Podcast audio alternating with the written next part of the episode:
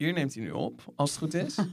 Zeg iets. Moet je dat nou checken? Ja, praat eens. La la la la la la la. Mooi. Mooi hè? Ja. Nou. Kijk, hoppatee. Top. Proost, schat. Even een slokje. Veel plezier, hè? Veel plezier. Ik zie je aan het eind. Ik zie je aan het eind. Hoi, leuk dat je weer luistert naar Werktitel, de podcast. Ja, we hebben nog steeds geen titel, maar we hebben wel een nieuwe gast, namelijk Anouk Beugels. Anouk is regisseur, coach en artistiek leider van de door haar opgerichte stichting Nanook. Een stichting die zich bezighoudt met vernieuwing binnen het musicalgenre. Nou, dat komt supergoed uit, want dat is precies waar we in deze podcast naar kijken. Vernieuwing in het Nederlandse musicalgenre. Mijn naam is Job Greuter. Ik ben naast performer ook musicalmaker en ik heb in die hoedanigheid al een aantal keer met Anouk mogen samenwerken. Ik spreek haar in september, kort na afloop van het O-festival, waar de eerste drie projecten van Stichting Nanook gepresenteerd zijn. Ik noem ze even kort, omdat ze in het gesprek een aantal keer langskomen. De eerste was Storm, een theatrale liedcyclus gemaakt door Sanne Tierens met muziek van Charlotte Dommershausen over de vergeten historische vrouwen uit de Nederlandse geschiedenis. De tweede was Niet Antigone, een hedendaags muziektheatraal antwoord op de tragedie van Sophocles, met muziek geschreven door Charlotte Dommershausen en tekst van Amanda Payne. En tot slot Lokroep, een conceptmusical over de verschillende machtssystemen achter hashtag MeToo. Ik schreef daarvoor de muziek en de teksten werden geschreven door onder andere Marijn Bellaert en Elisabeth van Nimwegen. Nou, genoeg info. Op naar het gesprek. Om te beginnen even, om Mhm. in te stappen. Jij studeerde af als actrice aan een toneelschool. Hoe ben jij in aanraking gekomen met musical of muziektheater? En wat heeft jou dat pad doen volgen? is eigenlijk de vraag hoe ik van het acteren zelf uitvoerend eh, kom in muziektheater regisseren. Nou, of misschien nog losgekoppeld. Oké. Hoe kom je van toneel naar muziektheater naar musical? En hoe kom je van acteren naar regisseren? Nou, ik zat in het vierde jaar toen van een toneelschool en toen dacht ik al, hmm, ik weet niet of dit een eh, per se is voor mij. En toen, ja, gewoon ook alle tekens op een gegeven moment dacht, ik wil dit helemaal niet. Ik word en er niet gelukkig niet? van. Het genre of het doen? Het doen. Het, het leven eromheen paste niet bij me. Het doen. Ik zat heel veel in het jeugdtheater. Daar had ik het eigenlijk, ja, heel stom gezegd. Dat had ik het eigenlijk niet voor gedaan. dus ook voelen, ja, maar hier ben ik niet. Hiervoor ooit heb ik eh, mijn reet eraf gewerkt, vijf jaar op een toneelschool. Ik wil dan wel echt bij de A horen. Of op de luxe hebben om zelf te kunnen kiezen. En dat gebeurde niet. Ehm, en dan op een gegeven moment ook denken, ik wil dit geloof ik niet. En ik vond het eh, maken altijd echt leuk, maar dat eindeloos spelen vond ik gewoon geen reet aan. Oh nee? Nee, vond ik echt vreselijk. Klaar, dacht ik dan altijd. Waarom? Ja, dan heb je het toch al af. Zelf, hè? Maar dat was echt, ik weet dat het bij andere acteurs heel vaak anders was, maar zelf vond ik dat gewoon niet zo leuk. Zo de, de eerste week nog wel, en daarna dacht ik, ja, dan voelde ik dat ik niet meer creatief kon zijn op de manier die ik wilde. En het liep ook gewoon allemaal niet zo goed. Dus ik had wel werk, maar ik vond het eigenlijk gewoon niet zo leuk en niet waar ik wilde. En toen ben ik eigenlijk langzaam per ongeluk meer in het, via een soort workshop, waarvan ik niet weet, oké, vaag verhaal. moest ergens op een evenement iets doen en ik bleek een workshop te moeten geven. Dat wist ik niet. Dus ik moest ter plekke een workshop improviseren. en dat ging eigenlijk heel goed. En toen merkte ik dus, hé, hey, ik weet eigenlijk heel veel van acteren. Ik ben er denk ik zelf gewoon niet het allerbeste in, maar kan het volgens mij wel heel goed aan anderen leren. En zo ben ik eigenlijk in het lesgeven, eerst met kinderen bij Hofplein, waarvan ik ook, dus dat is nog heel wat anders, hè? echt lesgeven aan kinderen. Ja, ja. En dan de eerste les denken, ah joh, dat doe ik zo. En dan na vijf minuten denken, ik ben echt zojuist gestorven. Mhm. Dit was chaos. Het ene kind hing het gordijn in, in het gordijn, de andere sloeg de ander. Dit was echt... dus daardoor ook leren heel erg structuren aan te brengen in het lesgeven. Ja. Gewoon ook al heel dom. Je moet de naam kennen van alle kinderen, anders weet je sowieso niet Nee. hoe je les moet geven. Ja. Nou, lang verhaal in het jeugdonderwijs, eh, eh, naar de MBO Theaterschool en gewoon eigenlijk heel veel plezier in het lesgeven en anderen goed laten acteren. Dat is denk ik eigenlijk mijn bron. Ik, ik snap het, zeg maar op een of andere manier heel goed als ik aan de zijkant zit. En ik weet hoe het is om, je, om te vliegen op de vloer. Ik weet hoe het is om echt dood te gaan. En ik vind dat het, eigenlijk is dat mijn diepste kunnen, denk ik ook. Dus het iemand anders gewoon heel goed laten Ja. acteren. Nou kan ik me ook voorstellen dat het helpt dat je dan ook zelf als actrice op, het, op hebt gestaan. Dat je dat ook begrijpt op, vanuit die kant. En daarvoor was het zingen was echt per ongeluk. Dus ik ben vanuit Maar zeg dat het moet je uitleggen. Hoe, is, hoe, Ja. hoe ben je dan naar... Hoe ben je met musical in contact gekomen of met muziektheater? Want nu eigenlijk het meeste wat je doet is in die hoek. Ja, door op de vooropleiding een keer in te vallen bij Codarts Muziektheater. Dus dat was zeg maar het verlengde echt wel. Maar dan zijn er meer pubers. Dus dat waren tussen de, oud waren die? Tussen de 18 en de 21. En daar moest ik dus integratieles geven. Dus dan kwamen zij met musicalnummers. En daar, ik weet nog dat- het eerste nummer Wicked, wa- iets uit Wicked was. En dat ik echt dacht, hé? Ben je groen? Hè, ik snapte er niks van. En dan dus daarin eh, me heel erg gaan verdiepen. En heel erg een liefde voor dat ontzettend rare vak eigenlijk. Want ik heb een totaal klassieke achtergrond, zeker in Ja. die tijd in Maastricht. Ja. Maar dus ook niet gehinderd door ehm, enige kennis van musical. Ja, ik had wel eens films gezien of een musical, maar dat was echt totaal niet mijn, mijn achtergrond. Maar dus wel heel erg tekstgericht en acteergericht. En dan was gewoon die nummers analyseren. Kijk, wat is dat dan? En wat doet de muziek? Oh ja, dit, dus jullie moeten het ook heel goed kunnen zingen. En eigenlijk heel erg een fascinatie en bewondering gekregen voor mensen die dat dus echt kunnen. Want het is ongelooflijk moeilijk. En daar, ehm, ja, nooit meer. Ik ga nooit meer iets doen zonder muziek. Ever. Nee? Nee. Nee. Nee, ook omdat ik denk dat ehm, muziek echt naar je hart kan gaan, waar tekst meer via je hoofd gaat. En als dat dus samen gaat, wat natuurlijk in musical heel vaak is, als dat op Ja. een goede manier gebeurt, dan is het echt mind-blowing, vind Ja. ik. En ik kom natuurlijk binnen dat Codarts, wat eigenlijk nog vrij onbekend was toen ik er kwam, in het werkveld. Ik heb heel erg kunnen experimenteren met dat vak daar. Want ik regisseerde natuurlijk ook op school, zoals je weet. Ja, En ik gaf les. Ja, en ik heb bij eh, gewoon heel veel liefde ook altijd voor die studenten gehad. Dat is voor mij ook, ook altijd wel echt een drijfveer geweest. Dus doseren. En daar zoveel talent zien. En kunnen genieten. En met jonge honden eh, gewoon denken, weet ik veel of dit normaal zo gedaan wordt. Maakt mij niet uit, wij vinden het mooi. Dus dat was eh, één groot speeltuin. Denk je dat je eigenwijs was? Of koppig? Ik denk dat ik dat sowieso wel ben. Dus dat zal ik vast meegenomen hebben. Ja, denk ik wel. En ik denk dat de grote verandering is geweest toen... Ja, daar was jij bij, denk ik, Job. Of jij kwam net daarna.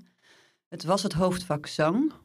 Want dat was ook onder een conservatorium. Ik heb daar samen met Hans Kassa toen... Hij was meer de onderwijsmanager... Hebben we integratie van gemaakt. Dus het echt samenbrengen van muziek en eh, theater. Dus zang en theater. En waarom, waarom was, dat, eh, was dat belangrijk voor, voor jullie? Of waarom vonden jullie dat toen belangrijk om te doen? Oh, ook positionering gewoon van coders. Het was gewoon heel helder, voor mij in ieder geval, dat in Tilburg gewoon knijter goede zangers vandaan kwamen. Dat daar echt het hoofdvak zang was. Daarnaast had je natuurlijk nog de toneelscholen, waar gewoon heel erg eh, op acteren eh, werd ingezet. Ja, En dat ik ook heel erg daarin dacht, volgens mij moeten wij ons proberen te onderscheiden. En is dat ook eh, het verschil altijd geweest met Tilburg, dat Codarts iets meer experimenteler was en iets meer echt op het, ook het theatrale.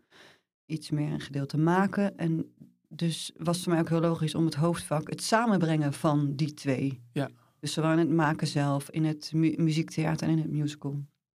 Maar eigenlijk ook een beetje naïef, niet wetende wat de consequenties daarvan waren. Want dat waren natuurlijk best wel consequenties. namelijk. Eh, nou, ook voor de docenten om daaraan te wennen. Ehm, eh, en het hele curriculum wat daarop aangepast moet worden. Mhm. En ik denk dat dat precies wel goed samenviel toen in de tijd waar het in het musicallandschap naartoe ging. Je had toen ook net André Hazes. Eh, dus er was wel een soort beweging al in, in gang dat er nieuwe dingen gemaakt werden, waar het ook meer ging om het spelen in musicals. Dus ik heb het idee dat dat op zich een goede timing van mij is geweest. Of Ja. dat ook aangevoeld, of Ja. snap je? Ja. En Dat- dus ook voor studenten, dat sommigen juist heel erg eh, eh, echt alleen vooral op dat zingen wilden zitten. En ik wil dat niet. Ik wil niet dat er gezongen werd met als einddoel goed zingen, maar als middel om een verhaal te vertellen. Ja. Ik kwam eigenlijk op, eh, toen ik eh, daar ook hoofd werd, was men ja, maar iedereen, je zingt je de musical in. En dat heb ik eigenlijk het eerste jaar zo overgenomen, tot ik dacht, hé, wie zegt dat eigenlijk? En is dat nou eigenlijk wel zo? Ja. En volgens mij was dat eigenlijk niet zo. Ik kwam er ook achter, nee, wij moeten iets anders gaan doen, want we leggen het toch af heel hard tegen de mensen van Tilburg. Ja. Wat ik ook weer een interessant ding vind, moet ik overigens zeggen.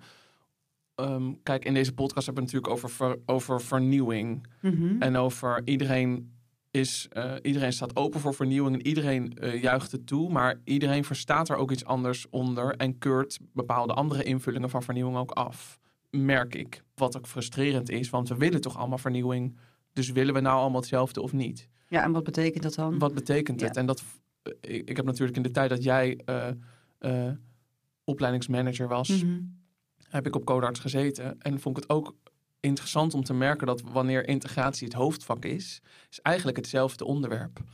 Ja. Omdat iedereen toch weer net iets anders verstaat onder integratie. Ik weet dat ik op een gegeven moment dat we de discussie kregen dat de zangdocenten zeiden: ja, ja, ja, integratie, maar dat begint bij de zang. Ja. En dat de dansdocenten zeiden: ja, ja, integratie, maar dat begint natuurlijk bij beweging. En dat hetzelfde voor de speldocenten was. Wat ook weer een hele interessante discussie is. Ja, En- ja, ik snap het. Volgens mij begint het dus bij de inhoud. Hangt er dus totaal af wat voor soort nummer het is. En dat moet bepalen Wat eh, de begin ingang ja. wordt. of wat de, de letterlijk welk stemgeluid, welke kleur, hoeveel thea- theatraliteit het nodig heeft, of er überhaupt beweging bij moet of niet. Is dat iets wat in deze tijd dan opeens bevraagd wordt? Ik vraag me gewoon af of dat ook een ding is wat door de tijd heen zich heeft vernieuwd of heeft veranderd. Hoe we naar het vak kijken en hoe we dat aanpakken. Ambachtelijk gezien. Mhm, En ja. waar we beginnen en welke stappen we zetten. We kennen natuurlijk ook maar een gedeelte van de geschiedenis daarvan, denk ik. Dus dat is, ik heb het idee, dus dat is wat ik altijd begrepen heb, dat het vooral in het begin in Nederland ook heel erg ging om het goed zingen. En dat het eh, iets is waar eh, acteurs, acteurs, zeg maar, niet in stonden. Of dat erop neergekeken werd, of dat het echt heel erg entertainment was. En ik heb wel het idee dat die werelden meer naar elkaar toe zijn gaan schuiven. Ja. En daarmee misschien ook letterlijk dat je meer eh, de theaterwereld en de zangwereld een mix krijgt. En dus ook dat gesprek op gang komt. En ik denk dat de laatste jaren er meer behoefte is geworden. Misschien ook als inspiratiebron vanuit andere landen. Mhm. Om meer Nederlands materiaal, eigen materiaal te maken. En niet Ja. meer alleen maar eh, eh, musicals in te kopen. Ja. Dus ik denk dat de verschillende ontwikkelingen op elkaar hebben ingehaakt. Misschien is dan ook mijn volgende vraag. Kijk, het is eigenlijk natuurlijk heel interessant dat jij binnen dit werkveld actief bent en bent geweest als regisseur, maar ook als opleidingscoördinator of Mhm. opleidingsmanager. Dus dat het in de educatieve hoek zit. Mhm. Maar nu ook als producent, soort van, met je Ja. eigen stichting. Ik ben eigenlijk heel benieuwd hoe van elk van die drie posities je kijkt naar vernieuwing, misschien door de jaren heen. Of hoe je op vernieuwing hebt in proberen te spelen vanuit die verschillende posities. Of wat je tegenkomt. Kan je daar iets over zeggen? Ja. Moet ik het proberen even op te splitsen? Want ja, ben ik dan al echt producent? Ja, dat weet ik dan eigenlijk niet. Nou, misschien moeten we het artistiek leider noemen. Ja. Dus artistiek leider in eh, educatie Ja, zeker. en artistiek leider in productioneel. Ja. Of zo. Of in een stichting Ja. in ieder geval die nieuw materiaal op de planken probeert te zetten.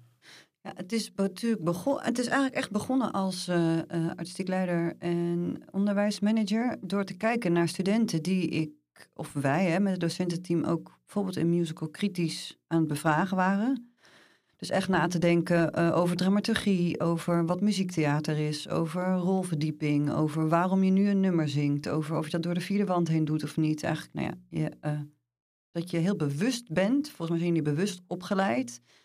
Ehm, ook dramaturgisch.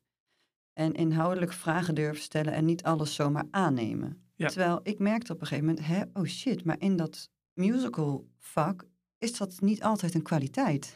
Of kan dat tegen je werken? Mhm. Heb ik, ik generaliseer nu een beetje, hè? Ja, maar dat mag. Maar kan het tegen je werken? Want eigenlijk krijg je vaak geen antwoord op die vragen. Moet je gewoon van links naar rechts lopen, lopen omdat het decor komt of omdat we het zo doen. Vaak het antwoord was. Dus ik merkte eigenlijk bij die afgestudeerden dat die een beetje in conflict kwamen en ook een beetje boos waren soms. Dat ze eigenlijk dingen in hun hoofd hadden waar ze niet mee terecht konden. Ja. Als uitvoerder. En daarnaast zag ik ook dat mensen talent hadden om eh, meer zelf te maken of in het muziektheatergebied te zitten. Niet per se musical ehm, die eigenlijk ook geen plek hadden. Eh, want er waren wel muziektheaterplekken, maar wij hadden geen of, eh, acteursdiploma. Dus daar kwam ik wel, eh, de stand kwam daar ook moeilijk binnen. Dus ik kwam op een gegeven moment dacht ik, oh, ik ben voor iets aan het opleiden, misschien waar nog helemaal geen plek voor is. Mhm.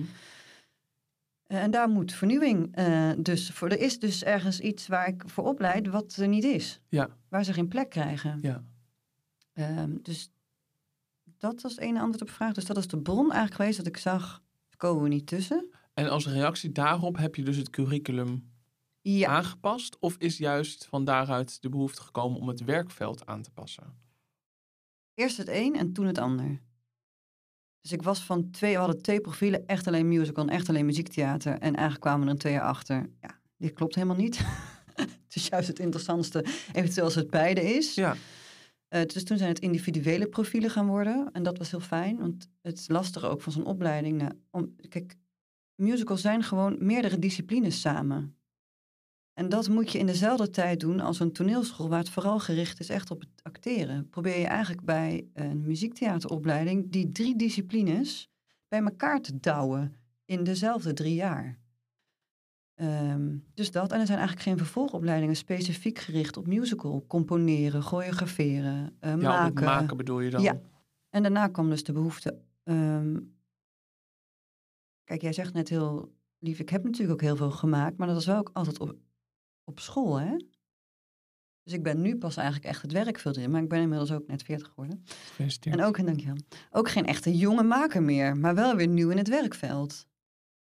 En het, het was voor mezelf ook best wel moeilijk om daartussen te komen. Want wie gaat mij een grote musical laten regisseren? Maar oké, reflectie. Ja. Omdat dat de situatie is, Ja. wat maakt jou dan nu zo onderscheidend? Kijk, ik weet het wel, maar voor mij, maar ik ben benieuwd wat voor jou het antwoord daarop is. Juist omdat je de hele tijd als maker actief bent geweest in een opleiding Mhm. en nu het werkveld ingaat. Dat ik denk ik een heel groot netwerk heb van jonge mensen. Heel erg voel wat daar, weet wat daar speelt. Dat dat is gewoon letterlijk mijn achterban, achtergrond, eh, mijn eh, leven geweest de afgelopen twaalf jaar. Ja, Dus daardoor ook weet, ja, eh, maar die kan dat wel en die kan dat wel. Je moet ze de kans geven of je moet deze samenzetten, je moet deze mensen samenzetten. En dat ik, ehm, denk ik, door wie ik überhaupt ben, eh, n- ik hou niet van hokjes denken. Ik word er altijd een beetje woest van. mhm. Dus ergens ook een, een soort vrije geest heb, volgens mij, die niet vertrekt vanuit, maar zo doen we dat altijd. Maar eh, ook durft te vertrekken vanuit, ik weet het niet, hulp durft te vragen. eh, bepaalde, kijk, heb ik jou met jou, ik kan jou niet coachen op muziek maken, Job, dingen die jij voor mij maakt, bijvoorbeeld. Dat weet ik. Dus dan moet ik zorgen dat daar iemand anders bij zit. Dus ik denk ook een bepaalde mate van kwetsbaarheid daarin hebben en durven zoeken. En ik heb nu natuurlijk veel subsidies aangevraagd voor het ontwikkelen. Dus er is heel veel tijd en energie gestoken in het ontwikkelen van nieuwe goede scripts. Ja. Met dus ook niet de prestatiedruk hè, van het moet nu eh, aan de kaart verkopen, eh, eh, anders ben ik straks failliet. Ja. En inzetten echt op echt nieuw materiaal. Ja. En met vrouwen ook, vrouwenthema's. En de, misschien de manier waarop ik dat doe. En in transparantie. Ja, dat denk ik als iemand die jou kent, denk ik dat ook hoor. Ja, laten we het even hebben over Nanook. Dat Ja. is jouw stichting. Die heb jij nu iets meer dan een jaar Ja. geleden opgericht. Ja. Vanuit de behoefte om tot vernieuwing te kunnen komen. Of in ieder geval een plek te bieden waar dingen ontwikkeld kunnen worden ook. Met jonge makers, met nieuwe vormen. Zeker. En gewoon ook echt een heel harde behoefte om het zelf te doen. En mijn eigen toko te hebben. En ook omdat ik dacht, ik kom er niet tussen. Gewoon in het werkveld. Ja. Dus jouw reactie eigenlijk om er wel tussen te komen. Want je had dus behoefte wel, mm, hoor ik. eh, Ja. Om er tussen te komen en daarin iets te betekenen. Heb je gewoon gezegd, ik doe het zelf wel. En toen ben je de stichting begonnen. Eigenlijk wel. En wat ben je dan daarin tegengekomen? Als iemand die het op die manier heeft aangepakt, ben ik heel benieuwd. Hoe was dat? En wat ben je binnen die stichting nu al tegengekomen? Misschien eh, goede dingen, misschien dingen die obstakels vormden in die poging om tot vernieuwing te komen. Nou, dat ik eigenlijk niet wist waar ik aan begon. Dus ik wilde gewoon lokroep maken. Daar had ik, eh, moet je subsidies voor aanvragen. Heb je een stichting voor nodig? Nee, dan had ik een stichting. En dan denk ik, ja, dan moet ik ook een website hebben. Ook moet eigenlijk ook zichtbaar zijn. Dan moet ik op Instagram. Eh, dus dat ik eigenlijk niet wist waar ik aan begon. En eigenlijk veel meer mensen nodig had, maar geen geld. Ben je daar blij mee dat je niet wist waar je aan begon? Anders weet ik niet of ik dat gedaan. maar dat is eigenlijk steeds met alles. Ook met hoofd worden bij coders. Ik had er geen idee waar ik aan begon. En dat is ook denk ik een goede kracht en een valkuil. Dus ik, ik eh, wilde eigenlijk heel veel met die stichting. En wat ik lastig vond en leuk vond, is dat ik dus een heel groot netwerk heb. En ook dacht, het is corona, want dat was toen net. Ja. Er zitten heel veel mensen thuis. En ik ga Job gewoon vragen voor de muziek. Marijn zit thuis. Ik ga gewoon eens vragen. Die heeft namelijk ooit een goede scène geschreven. Of die een scène wil schrijven. Maar ook heel veel was op goodwill. En dat kost ook heel veel energie. Dus het, het, dat is ook een ingewikkeld ding. Want je, want je wil fair pay. Hoe werkt dat dan? Er is dan geen geld. Hoe communiceer je dat? Mag je dan iemand vragen om mee te doen? Uh, dus dat vond ik allemaal heel spannend. Hoe gaat Ja. dat met subsidies? Je moet eigenlijk al weten wat je gaat maken. Terwijl ik juist heel vaak nog niet precies weet. Mhm. Ik heb het wel in mijn hoofd. Maar voor mijn gevoel moest ik echt al helemaal tot in detail af hebben. Ja. Ehm, hoe, zo moet ik ook nog subsidies kunnen aanvragen. Dat is een heel vak apart. Hoe doen mensen dit? Daar moet je eigenlijk mensen voor inhuren. Daar heb je weer. Dus je kwam op een gegeven moment in een soort kip-ei-verhaal terecht. Ja. Daar liep ik tegenaan. En dat ik eigenlijk gewoon een heel... eh, eh, dacht, ik moet veel meer mensen... Ik heb eigenlijk een soort bedrijfje meteen als je het goed wil doen. En ik vond het ook heel leuk. Omdat ik het ook helemaal zelf mocht bepalen. Ja. En daarin het gevaar ook dacht ik zit te veel in mijn eigen netwerk. Want je vraagt mensen omdat er nog te weinig geld is die je al kent. Ja. Op een gegeven moment ook dacht, dit is niet goed. Moeten andere mensen bij. Ik moet mijn netwerk verbreden. Ik moet naar buiten toe ermee. Eh, terwijl het ook heel fijn is om met mensen die je vertrouwt, omdat het allemaal al zo spannend is. Dus het is de hele tijd zoeken naar een soort balans, volgens Ja. mij. Tussen dus en mensen waar je op kan bouwen en nieuwe, waar je misschien ook wel op kan bouwen, maar dat weet je dan niet, want die ken je nog niet. Mhm. Eh, dus eigenlijk een hele tijd een balans zoeken.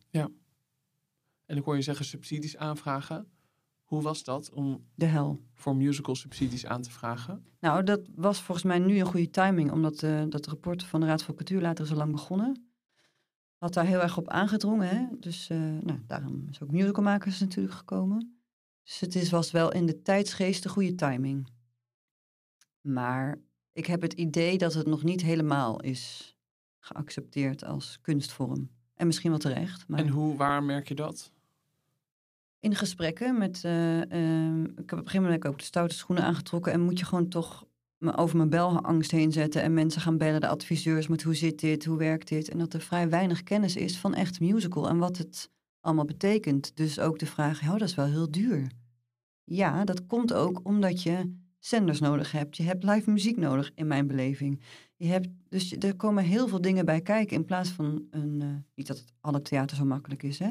Maar eh één monoloog. Je hebt, er komen heel veel dingen samen, dus het kost ook heel veel geld. Ja. Bijvoorbeeld. Mhm. En bij het FBK, dat ik dacht, hè, het lijkt wel gericht op klassieke muziek. Terwijl we gaan musical maken. En daarin is, als het goed is, muziek en theater hebben dezelfde balans. Maar dat lijkt nu niet. Het gaat nu meer over de muziek. Maar dat Ja. Klopt in mijn beleving niet. Want de construct zit in het script. Dus dat was wel een... een Is dat iets waar je zegt, daar moet meer ruimte in komen? Is dat eh, op welke manier? Ja, ja, natuurlijk, maar hoe eigenlijk? Ja, dat is wel echt een ingewikkelde vraag, Job. Maar ik ga het proberen. Ja, ik denk dat er meer mensen op dat soort plekken moeten zitten die het bepalen of de subsidie of niet komt, die echt snappen wat het vak is. Dus dat er veel meer ehm, gesprekken over moeten zijn en echte eh, know-how van het vak. Eh, dat denk ik eigenlijk. Dus dat heb ik inside, ik weet niet of het waar is hoor, dat op een aantal adviseurs maar echt een heel weinig percentage echt liefhebber van musical is en eh, ook u- überhaupt liefhebber. En dan hebben we het nog niet eens over wat het vakkennis nodig hebt om het te kunnen beoordelen, denk ik. Ja. Hoe zou je het anders moeten beoordelen? Mhm. Dus ik heb ook heel lang moet, bij ieder ding gedacht, moet ik nou muziektheater, wat is strategisch handiger? Moet ik het hier muziektheater noemen of moet ik het juist musical noemen? Dus je bent eigenlijk de hele tijd bezig met een strategie. Ja, dat vind ik dus zo interessant. Ja, ik Ik ook. word er ook echt een beetje pissig van. snap ja, ik. toch? Dat je strategisch moet zijn of het muziektheater of musical genoemd moet worden. En dat je dan meteen al inbeeldt van, oh, als ik het woord musical noem, dan gaan ze een bepaald beeld hebben, wat misschien niet ten gunste komt van wat ik wil maken. Snap ik. Alsof het zo een vastgesteld kader is. Ja, dus ja, dat klopt. Ja, dat ben ik met je eens. Maar, maar ik hoor je, ja, dus je moet het ook meespelen eigenlijk. Ja, het is eigenlijk een spel. En daar word ik ook altijd een beetje boos van. En vervolgens wakker en eh, ja, dan maar doen met wat hoe het spel gespeeld wordt. En dan kijken waar je daarin je integriteit kan bewaken. En play the game. Maar of dat nou de manier is, weet ik niet. Wat denk jij? Ja, dat ik het heel frustrerend vind. Maar goed om te horen, maar wel... Ik vind het ergens zo raar dat dat nog steeds eh, gespeeld, gespeeld moet worden. Dat denk ik gewoon een beetje. Nee, dit is niet meer musical, dit is muziektheater. Ja. Oh nee, en nu is het weer musical. Want, puntje, puntje, puntje, puntje. Maar dus begint vernieuwing voor mij ook wel bij het denken hierover. Het denken over wat is het verschil tussen die twee. Of, Ja, of eh, het, het loslaten van aannames misschien. Dus ook met elkaar juist wel dit gesprek. Ik, heb, ja, ik snap dat je er ook vermoeid over bent. Zeker als het strategisch ingezet moet worden. Maar Ja. inhoudelijk denk ik eigenlijk dat het gesprek veel te weinig gevoerd wordt. Omdat het volgens mij vastgeroest is in het denken erover. En daarmee ook zich niet kan ontwikkelen. Ik had bijvoorbeeld zelf over lokroep een heel interessant gesprek naar aanleiding van zondag. Dat op een gegeven moment feedback kreeg en dacht, ja, dat snap ik. Maar A, dat wil ik niet, want dan had ik het wel gedaan. en B, dan gaat het veel te veel richting muziektheater als het zo'n abstractie ingaat. Terwijl ik wil met Lokroep juist binnen... Ik wil een musical maken, dus ook die een grote groep mensen bereikt, omdat ik wil dat dat onderwerp die grote groep mensen bereikt. Ja. En ik denk als ik dat advies op zou volgen van diegene, dan ga ik zo'n vagere, vagere abstractie. Maar wel denk dat ik een bepaalde, bepaald publiek zou verliezen. Ook dat is een aanname, dat weet ik. Dus het is ook de hele tijd jezelf bevragen. ja. Wat is het dan?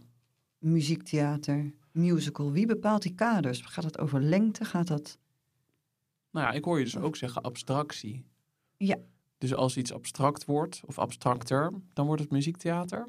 Nee, dat wil ik niet zeggen. Nee, dat gaat echt wel specifiek over een bepaalde scène. Dus, Oh ja. dus Oh ja. nee, zeker niet. Want ik ben bijvoorbeeld bij Lokroep achtergekomen. dacht ik moet de eh, alle, er gaat gewoon bijna geen decor in komen. Dat, ik denk dat er juist veel meer verbeelding kan in musical. Ja. En ook abstractie. Maar als je te, te abstract gaat maken, of denk ik wel dat je een gedeelte van je publiek misschien wel verliest. Maar dat is ook een vraag, hè? Dat, dat is denk ik ook het onderzoek. Nou ja, dat is misschien wel interessant om, denk ik, om te kijken of dat zo is. Ja, maar dat ben ik dus ook aan het eh, uitproberen. want dan kom je ook in een hoek waar, waar ik ook mijn vragen over heb.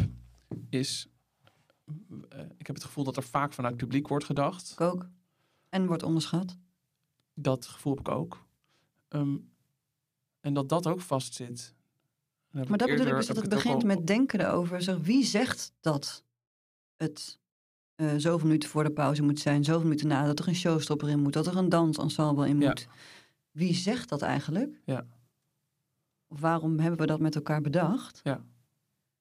Dus voor mij, wat het in ieder geval, wat de voorwaarde moet zijn, is dat muziek en theater echt iets toevoegen. En als je het één weg zou laten, er geen voorstelling zou zijn. Ja. Dat is denk ik voor mij eigenlijk het, de enige basisregel. Ja. En dan heb ik natuurlijk het afgelopen weekend zijn er drie dingen in première gegaan. Ik wist op een gegeven moment zelf ook niet, is het één nou muziektheater, is het musical? Ik weet het eigenlijk niet. Ik weet ook niet meer of ik die vraag nou zo interessant vind zelf. Maar is het muziek en theater en is het onlosmakelijk verbonden? Dat antwoord moet ja zijn. En dan maakt verder het, het, de titel of het kopje maakt me eigenlijk niet meer uit. Nee. En er moet in gezongen worden, vind ik toch. Ik dacht eerst, is het dan ook... Musical moet, is toch wel echt via het medium zang, ook voor mij echt. Er hoeft voor mij bijvoorbeeld geen dans in te zitten. Maar wel weer fysiek bewustzijn. Het mag wel met dans, maar het is voor mij als het nodig zou zijn om de inhoud te vertellen. En als je dan nu kijkt naar, los van jouw stichting, het musical werkveld. We hebben een paar avonden geleden de musical Singalong gehad. Ja. Wat daar dan op wordt gepresenteerd, wat er komend seizoen gaat komen en stukken aan. En dan hebben we het natuurlijk ook weer over een specifieke hoek, hè, denk Mhm. ik. De commerciële, grote, zichtbare musicalhoek. Wat is daarin de vernieuwing die jij denkt, dit, dit moet er komen. Hier is echt behoefte aan. Dit is belangrijk om voor jou tot vernieuwing te komen. Het wat er gaat komen of wat er ontbreekt. Wat er ontbreekt. wat jij ziet in het aanbod of in de werkwijze of in, vul het in hoe je het wil. Nou, iets uh, met een hoofdrol voor een vrouw, een Nederlandse vrouw, dus niet Diana bijvoorbeeld. Wat ik op zich wel goed vind, dat dat helemaal nieuw gemaakt wordt. Dus dat vind ik in die zin vernieuwend. Um, maar verder zijn er heel veel, volgens mij, musicals met mannen, die over mannen gaan. En dan ben ik helemaal geen anti-mannen-vrouw, of daar gaat het me niet om. Maar ik zou wel eens uh, meer over vrouwen willen. Dus daar ga ik bij mijn stichting natuurlijk ook niet voor niks, dat ik dat als vertrekpunt ook heb. Mm -hmm. En misschien is wat in een kleinere zaal, dus niet allemaal heel erg groot en een spektakel, maar kijken of je het op een vlakke vloer ja. zou kunnen doen. Oké. Okay. En met jongere makers. Dus dit zijn allemaal met, met, met, mensen die we al kennen. In ieder geval in, in de creative teams, hè? Ja. Ik zou juist heel graag denken, nou, of denken, willen zien uh, dat het een, een onbekendere, maar wel gekwalificeerde mensen zijn die een kans krijgen. Dus dat zit volgens mij ook heel daarin, is zit, uh, moet er ruimte gaan komen. En ik snap ook dat dat soms een te groot risico is, hè, als het commercieel afhankelijk is of uh, nou ja, van, de, van de kaartverkoop. Maar er moet, Ja. zal, ergens zal er iets moeten gebeuren. Want het zit nu zo in hetzelfde. En ook in hoe muziek vaak wordt gemaakt. Mhm. Maar daar kan jij misschien meer, is in mijn, mijn beleving, voor zover ik iets van snap en niet mijn vak is. Wanneer gaan we daar nou eens even in vernieuwen? Of daar ja, maar je zegt wel, het is niet je vak, maar het is wel je vak. Want jij bent muziektheatermaker, dus dan kan je er nog wel minder affiniteit mee hebben. Maar het is wel deel van je ambacht. Zeker, maar specifiek het, kijk, wat jij eh, in het componeren echt kan, dat kan ik niet. Dat wil ik ook niet. Maar ik heb wel het idee dat er in de manier waarop er vaak gezongen wordt of hoe muziek gebruikt wordt, dat dat vaak in eenzelfde stramien zit. En dat we een keer ook. Ik heb het idee dat muziek een beetje het ongeschoven kindje is soms. In het praten daarover. Iedereen heeft inmiddels volgens mij wel helder. Je moet ook goed kunnen acteren. Maar eh, welke rol speelt muziek er per se in? En waarom moeten we. eh, en hoe zit dat met zang ook? Dus wat, eh, wat is, wat, hoe kunnen we daarin vernieuwen? En misschien kan jij daar iets meer over. Ja, geen idee. Ik doe ook maar wat. ja, laten we eerlijk zijn. En ik ben ook een beginnende maker, dus ik zit ook nog überhaupt te zoeken in wat ik maak. Ik vind het ook Mhm. altijd heel moeilijk om te omschrijven als mensen vragen, wat, wat maak je? Of wat is typerend? Mhm. Dat, eh, ja, geen idee. Maar misschien is dat precies wat ik, wat, waar ik persoonlijk behoefte aan heb. Is kijken, wat kan muziek allemaal zijn? Want ik, de- ik denk dat ik herken wat je zegt over dat muziek een ondergeschoven kindje is. Ja, hoe- vaak nog, nou, als er gepraat wordt over, als echt musical muziek. Dat Mhm. drukt zo bij mij op alle knoppen. want wat hoor jij dan? Nou, dan denk ik gewoon, eh, je hebt het nu waarschijnlijk over een soort Amerikaanse shows, show Mhm. muziek of zo. Of een soort, misschien burlesque-achtig. Ik ja, weet ik Mhm. veel. Misschien zeg ik nu ook weer hele verkeerde woorden. Maar wat is dan weer musical muziek? Of musical spel of een musical scène? Ik heb zelfs iemand een keer over musical licht horen praten. Over een, licht, een musical lichtplan. Dat ik dan denk, dat alsof dat dan anders is dan een toneellichtplan of een weet ik veel. Snap je? En dat nou, in die ik dan... zin denk ik wat vaak bedoeld wordt, is dat het rood, rood is, zeg maar, in het licht ook. Dat dat ook nog eens benadrukt. Wat je al ziet, wat je al hoort. Zie je het in een kostuum, zie je het in het decor, je ziet het in het licht. Dus daarin denk ik, wat wij net zeiden, dat het wel tijd is ook daarom de verbeelding meer ruimte te geven. Eh, over, dat vind ik nog wel leuk om op in te haken, over die musical scènes. Ik denk dus dat je eigenlijk fucking goed moet kunnen spelen voor musicals. Los van het zingen ook, hè. Omdat je eh musical scènes vaak vrij kort zijn. Maar dat is ook weer een aanname. Dat, maar, en dat, ja, dus dat vind ik ook dat anders zou moeten kunnen. En daar ben ik ook mee aan het experimenteren. Ja, Want wie zegt dat dat zo is? ja. Maar ik denk dus, ik zeg even, ik denk dat mensen dat het. bedoelen. Dat het dus hele korte scènes zijn die even heel snel van A naar B gaan. Waar je, En dat proef ik dan. En dat vind ik dan heel irritant. Want? Ben je het ermee oneens? Ja, omdat ik gewoon niet vind Wat dat... is de langste musical scène die je hebt gezien? Ooit? Ja? Weet ik veel. Dus ik denk dat het wel vaak waar is, hè? Ja, maar nee, ik dat- zeg niet nee, dat het, nee, dat, nee, nee, ik zeg niet dat het een voorwaarde zou moeten Nee, zijn. ik ben het helemaal eens met dat dat, dat, dat, veel, dat je dat veel ziet. Dat Ja. frustreert me ook. Maar wat ik dan nog het meest frustrerend vind, is dat voordat het überhaupt gepraktiseerd is, dat het al als een aanname Zeker. wordt genomen. Daar ben ik het helemaal mee wie eens. dan ook. Door Eh, veel mensen, denk ik. Door, ja. Eh, ja. Dat, dat drukt gewoon op mijn knop. Snap ik. En, dat snap ik. En ik Dus bedoel, de aanname dat het plat is, dat het dom is, dat het eh nou, dat rote het misschien brood wel is. gewoon één ding is. Ja, snap ik. Ja, het, maar het is ook raar, want het is een genre, dus het zou sowieso niet één ding kunnen zijn. Dus de- dat vind ik ook gewoon dom aan de opmerkingen erover. Eh, Je kan ook niet zeggen, ik vind film niks. Ja, kan wel, maar er zijn natuurlijk duizend soorten Ja, films en er zijn heel veel soorten musicals. En dat het tijd voor vernieuwing is, ja, om dit soort dingen te bevragen. Kan je een musical maken?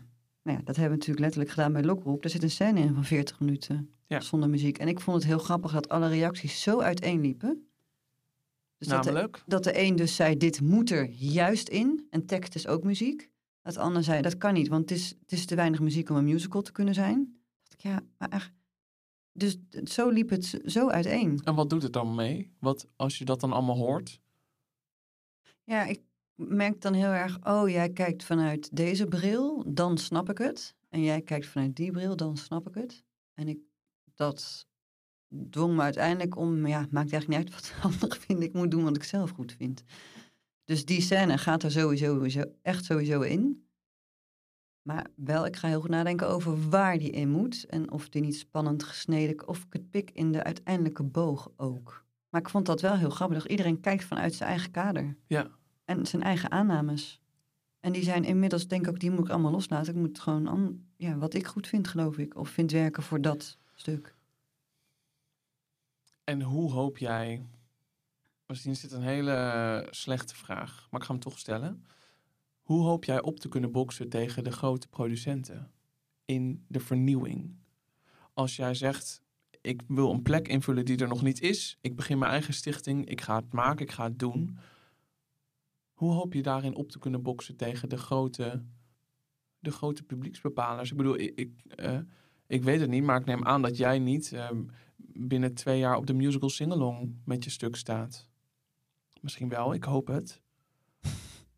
Is dat, is, ik bedoel, snap je? Er, er is een soort hele grote gevestigde orde. Waarbij ik heel helder wil benadrukken dat dat niet een slechte is. Dat het ook heel goed is dat het er is. En dat het- Zeker, maar daar ben ik het ook mee eens, hè? maar ben je, ben je niet bang dat je als stichting.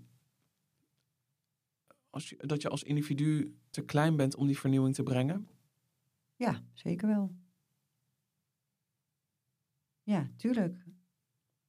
Of hoe, hoe pak je Ja, dat het, aan? voelt, het is grappig dat je het zegt. Ehm, want het voelt als jij zegt gewoon een grote producent. Denk ik, oh, maar daar, zit- dat, dat, dat, daar, zit, daar denk ik niet eens zo over. Omdat het om... Dat voelt ook als iets anders of onbereikbaar. Of omdat ik het niet wil. Dat, iets van die mix van die drie. Ehm, dus ik ben eigenlijk gewoon, geloof ik, meer bezig überhaupt met mijn eigen ding vormgeven dan nog eh, een relatie tot anderen. Maar ik kan natuurlijk wel stiekem dromen. Ik wil wel op die singalong. Ik wil wel bij de Musical Awards staan uiteindelijk met iets om ergens gewoon een voet tussen de deur te krijgen. En dan als een soort inktvlek, volgens mij, elkaar op een goede manier beïnvloeden Ja, en iets toevoegen. Ja. Dus ik zeg ook echt helemaal niet dat iets weg moet. En ik denk ook wel, kijk, als ik eh, het niet voor elkaar krijg binnen nu en, eh, nou, laten zeggen, vijf jaar, dan zou ik op een gegeven moment ook moeten stoppen. En dan is de vraag, wat dan voor elkaar krijgen? Ehm, dat de mensen, ikzelf en de mensen die ik erbij betrek, van kunnen rondkomen. ja. Dat het publiek is. Mhm. En het hoeft niet zo'n groot publiek te zijn als de grote producenten. Maar het moet wel op zich publiek bereiken. An, ja, waarvoor maak je het anders? Dus er zullen wel eh, middelgrote, klein middelgrote zalen een beetje gevuld moeten zijn met een tournee. Ja. Ja. en we moeten ervan rondkomen. Ja. Dan eh, lijkt het me geslaagd. En het denken in gang gezet, sorry, nog als Ja. aanvulling bij zowel de makers als het publiek en over wat musical is. Dan is het misschien nog wel het meest geslaagd. En jonge mensen door laten groeien, waaronder jij of andere schrijvers in eh, juist misschien iets groters. Ik vroeg me af in mijn gesprekken, in, in, in een eerder gesprek wat ik heb gevoerd, werd er gesteld eh, eh, dat door je als maker financieel afhankelijk te maken van ik kan het alleen doen als ik ervan rondkom, of als de mensen met wie ik het doe ervan rondkom, dat door je daardoor te laten beperken, dat je eigenlijk niet echt een kunstenaar bent. Omdat als je iets wil, je het fixt. Betaald of onbetaald. Gewoon door de mensen om je heen mee te nemen in je drive. Hoe kijk jij daarnaar? Want ik hoor je dus wel zeggen, voorwaarde is dat iedereen ervan kan rondkomen. Dat is best een Ja. grote... Op een gegeven moment natuurlijk wel. Maar dat is best een groot. eh, Ja, ik ben, maar ik ben gewoon een beetje allergisch ook voor altijd de grote kunstenaar. En dan moet altijd. eh, eh, dat moet ook zonder je boterham ermee te kunnen verdienen. En dag en nacht. Ik vind dat gelul. Omdat het voor mij niet werkt. Hè? Waarom? Kijk, het, het, omdat ik denk dat mijn kracht gewoon heel erg zit om het praktische en het artistieke samen te brengen. Ik word heel creatief van praktische kaders, van financiële kaders. Daar zit eigenlijk voor mij een koppeling met creativiteit. Oh ja? Ja, tuurlijk. hoezo? Voor mij staan die namelijk ergens heel los van elkaar. Vind ik heel irritant ook. Ja, maar ik snap wel dat het voor anderen anders is. Hè? Ik word daar, ja, ik vind Nee, maar juist, ik ben niet benieuwd it. waarom. Hoezo? Nou, staat een begroting. Ik denk, godverdomme, dan moet hier een stuk uit. Nou, dan, eh, dan dus geen decor bijvoorbeeld. Of we doen alles in één lichtstand. Kan dat? Wat is dan de consequentie? En hoe ga ik daar binnen? Eh, word ik juist heel erg creatief getriggerd. Grappig. Of, oké, dan kan het maar met vijf acteurs. Nou, wat is dan de consequentie? Oké, hé, dat klopt eigenlijk wel. Dan eh, bijvoorbeeld, hè. Eh, dan moet dus iedereen alles eigenlijk kunnen spelen, bijvoorbeeld. Nou, laat ik dat als onderdeel zijn van het concept. Of, dus bij mij zit dat heel erg samen. En stel je hebt echt geen geld. Stel, jij eh, wilt een stuk ontwikkelen met Nanook waar je echt niks van subsidie of weet ik Dus veel. we, hadden nou ook niet heel veel geld, hè. Dus dat is Nee, nee, nee. ligt dat dicht bij de realiteit. Nee, maar ik vind het wel knap dat jij als beginnende stichting wel, eh, wel de, richting de kant gaat van dat het dek, dekkend is voor de mensen die meedoen. Ja, dat lukt nu voor het ene project beter dan voor het andere. Volgens Ja. mij is het heel belangrijk dat je aan het begin heel duidelijk maakt naar jezelf en naar de anderen van eh, dit is er minimaal of is er niet. Eh, wat heb jij nodig om het daarin wel of niet te doen? Dus dat kan ook zitten in coaching, in eh, iemand vervolgens in een ander project weer meenemen. Dus volgens mij is het heel belangrijk dat daar gewoon een open communicatie over is, een helderheid. Maar, stel En- dat over vijf jaar wat jij zegt, dat je artistiek kan neerzetten wat je wil. Of dat je Mhm. artistiek de zoek- zoektocht kan voeren Mhm. die je wil.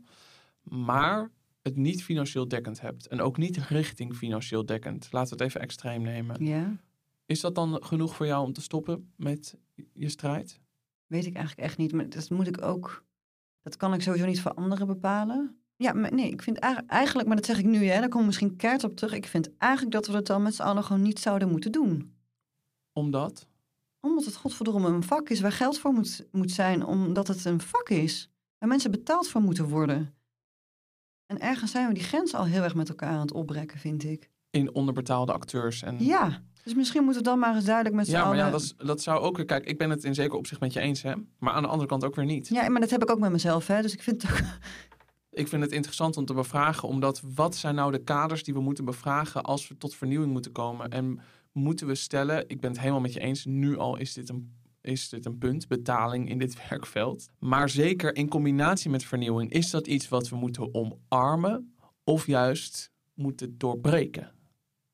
Dat vind ik een interessante vraag. Ik heb er ook niet een antwoord op. Maar ik vind het interessant dat je vanuit beide oogpunten kan zeggen: het is slecht om je erdoor te laten beperken. Je zou het ook bij wijze van spreken voor niks moeten doen en gewoon dan maar, eh, nou ja, niet onder een brug leven, maar wel eh, je niet laten weerhouden door een financiële barrière Mhm. Op welk gebied? op elk gebied. Oké. Op het schrijven, maken, produceren, weet ik veel wat. Dat het nooit iets mag zijn als jij een idee hebt dat als je er geen geld voor kan krijgen, dat je het dan niet doet. Dat snap ik aan de ene kant. Aan de andere kant vind ik ook echt dat je mensen wel eerlijk moet betalen voor hun werk. En dat het ook ergens een statement kan zijn om te zeggen: ik wilde dit stuk maken, maar niemand wil er geld in stoppen. En alle subsidies, ik zeg niet dat het zo is, maar Mhm. het zou wel een mooi statement zijn. Ja, niemand, eh, blijkbaar is dit niet eh, levensvatbaar. Is het Mhm. niet, eh, geloven mensen er niet in. Mhm. Dus ik heb geen geld, dus het gaat er ook niet komen. En dat is dan een soort van bijna een performance op zich. Of een statement. Zeker. Of dat je een soort advertentie maakt voor een voorstelling die niet gemaakt is kunnen worden. Ja.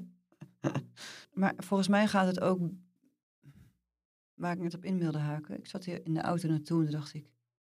Ik ben altijd een beetje boos, hè? dat weet je op. Bij mij begint het altijd met ergens boos over worden. Dan denk ik, ja, wat kan ik daar dan mee? Oké, dan moet ik het zo of zo. Wat kan ik zelf doen? Vond het vrij heftig. Ik wist dat toen ik hoofdafdeling was al, maar steeds meer nu dat eh, jullie als jonge acteurs ook, performers, zo vaak auditie moeten doen met zoveel voorbereiding. Dat je letterlijk soms maar zes, en dat is echt niet overal, laat ik het ook benoemen. eh, dat je eh, zes minuten binnen bent en ondertussen ook iets van vijf dingen moet voorbereiden waar niet eens de helft van gevraagd wordt. Ik vind dat zo ongelooflijk raar, maar gewoon echt letterlijk raar. Dan gaat er toch ergens iets mis. En ook de vanzelfsprekendheid dat iedereen maar komt opdraven, voorbereid. Of is dat casten nou zo moeilijk? Want ik snap dat echt wel als er heel veel understudies en dat ziet dan. Maar ik begrijp een gedeelte, misschien ook omdat ik daar nog niet ben. Ik snap het gewoon niet. En ik vind ook dat daar de grenzen echt in opgerekt worden. Ja, waarom wordt eigenlijk niet gewoon betaald voor die audities op een gegeven moment als je in zoveel rondes zit? Waarom moet je zoveel voorbereiden als de helft niet gevraagd wordt? Dan kan je toch niet meer maken? Waarom wordt de een wel uitgenodigd terwijl hij exact hetzelfde cv heeft en de ander niet? En waarom is dat niet duidelijk waar dat op gebaseerd is? Ja. Dus er kan wat mij betreft over in vernieuwing ook over dat gedeelte iets meer nagedacht worden. Over de manier van Uh, uh, werving of van ja. audities. ja, of de vanzelfsprekendheid dat iedereen alles, alles maar doet. Wat het ook is, want iedereen doet het, want er zijn te weinig plekken. Ja. Maar is het niet ook de taak van ons allemaal, ook de producenten, om daar eens weer goed naar te kijken of het nou allemaal wel klopt? Nou, dat was er één. en ook denken, dat kost toch gewoon hartstikke veel geld om daar de hele tijd met je hele creatieve team te zitten. Kan het allemaal niet wat, wat praktischer? En geef dat geld dus, eh, eh, stop het er, kan je het ergens anders in stoppen? En ik dacht net nog een ding, maar ik moet even nadenken wat het nou was. Ja, waarom staan regisseurs eigenlijk nooit op de posters? Van musicals. Snap ik niet. Hoe bedoel je? Nou, zie jij wel eens, weet jij wie welke musical heeft gemaakt doordat je het nou op de poster ziet? Dat het daarop staat, Ja. regie. Ik vind soms dat, dat vind ik heel raar. Omdat ik dat vanuit de theaterachtergrond niet gewend ben. Dus het is toch nog, als het goed is, is het nogal belangrijk wie het heeft gemaakt. Want als het goed is, maakt de ene maker iets anders dan de andere maker. Of is dit een suggestie dat dat dus niet uitmaakt? Dat is wel interessant. Dat het dus, omdat het al vast ligt of ingekocht is, dat het eigenlijk niet uitmaakt. Alsof musicalregie één ding is. Maar dat heeft misschien weer met de aannames te maken. T- nou ja, dit. Dus zouden we dan ook om tot vernieuwing te komen meer ruimte moeten bieden aan regisseurs en meer bekendheid aan regisseurs? en- Zeker. Absoluut. Volmondig ja. En sowieso wie er allemaal achter de schermen werkt. Dus ook de componisten, de geluidsman. Ik ben er echt van geschrokken deze week zelf in eh, het OLAP staan met hoeveel geluid. Dat wist ik wel, maar dus, we hadden nu natuurlijk met drie verschillende, weet je, met drie verschillende microfoons gewerkt bij drie verschillende voorstellingen. Mhm. Oh mijn god, het geluid is net zo belangrijk. Eh, dat is op zich ook een he- heel erg groot vak. Ja, nou ja, wat je eerder al zei, de techniek bij musical is een ding. Ja, Eh, misschien is het ook een aanname, weet ik eigenlijk niet. Maar je komt al snel wel in zo'n gebied. ja en Dat ook de aanname. En, ja, en En ook de aanname, maar misschien is die wel terecht, dat weet ik dus niet, dat er bekende mensen in moeten zitten om publiek te trekken. Dat vraag ik me ook af, is dat nou echt zo? Ik zou heel graag de luxe willen hebben, maar misschien is het dus wel een luxe, om echt te kiezen welke mensen op de beste plekken zitten. En hoeft voor mij ook niet iemand. Nou, dat vind ik een goed voorbeeld met Lucretia van de Vloot nu in Niet Antigone. Er was iemand uitgevallen, dus zij ging Ismene spelen. Nou, je zou eigenlijk in mijn hoofd misschien ook eerst wel dacht ik, oh, dat moet een jonge iemand zijn. Dacht ik, nou nee, zij is het. Dus ook een aanname, waarom moeten in musical altijd mensen precies gecast worden zoals het in het script staat dat ze eruit zouden moeten zien? Ja. Het gaat toch over verbeelding? Het gaat toch over transformeren? Het gaat over spelen? Het gaat over stemkleur? Waarom is dat allemaal zo nauw? Of is dat mijn aanname erover? Maar dat, dat gevoel krijg ik erbij. Ja. Dus ik dacht inderdaad, ja, volgens mij moeten we dat, ik dat in mijn eigen hoofd dus ook opengooien. Ook met audities. Niet alleen maar als mensen een personage tussen de 20 en de 25 is. Waarom zou ik alleen maar mensen in die leeftijd laten iemand van 50 ook maar komen? Ja. Wie weet. ga een beetje richting de afronding. Wat zou jouw oproep zijn aan iedereen die dit hoort? Of mensen die bezig zijn met vernieuwing? En dat vernieuwing begint bij denken daarover. Dus durven echt niet lui in denken zijn. Echt durven doordenken. Waarom vind ik dit? Wie zegt dat? Waar is dat, op, eh, is dat op gebaseerd? Is dat gebaseerd ook op eigen belang? Of aannames? Of angst? Of klopt het wat ik denk? Dus eigenlijk de oproep om eh, te durven denken. En dat te delen met elkaar. En daar vanuit een echte interesse voor het vak. En iedereen die dat niet heeft, die moet überhaupt zijn mond houden, vind ik. Ja, Sorry. ja, Ja, hoewel ik ook benieuwd ben naar wat de, degene die 40 keer naar Mamma Mia is geweest, wat die hierover denkt. ja, maar dat heb je toch interesse voor het vak? Nee, ja, dat is waar. Anders ga je niet 40 keer naar Mamma Mia, toch? Dat is waar. Ja, die toewijding heb ik zelfs niet. Nee, ja, nee, maar ik, ik heb het interesse. Dus dit valt voor mij ook over onder interesse voor het vak hebben. Zeker. Ik weet niet of iemand ooit, het is leuk om uit te zoeken, is er iemand die ooit 40 keer naar Mamma Mia Ik denk dat je verbaasd zal zijn. Ik vond Mamma Mia trouwens hartstikke goed, hè? Laat dat... eh, Dus ik snap het wel, 40 keer is wat vaak. Fijn dat je er was, Anouk. Dank je op, Dankjewel. alsjeblieft. Moet hij nou uit? Ja, dat moet wel uit, ja. Doe jij het? Ja, waar moet ik dan op Op het duwen? rode knopje. Hier komt nog een outro dan. Met een muziekje. Wat je zou zeggen. Vond je dit leuk? Laat dan een reactie achter. Vond je dit leuk? Laat dan een reactie achter.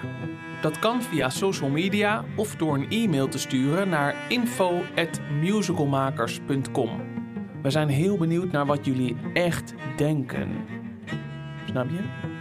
Omdat Anouk zei dat... Nou, laat maar zitten. Werktitel De Podcast wordt gemaakt door Marissa Santos da Cruz en mijzelf, Job Greuter, en is mede mogelijk gemaakt door Stichting Musicalmakers Amsterdam. De mixage is gedaan door Charlotte Dommershausen. Superleuk dat je luisterde. Tot de volgende keer.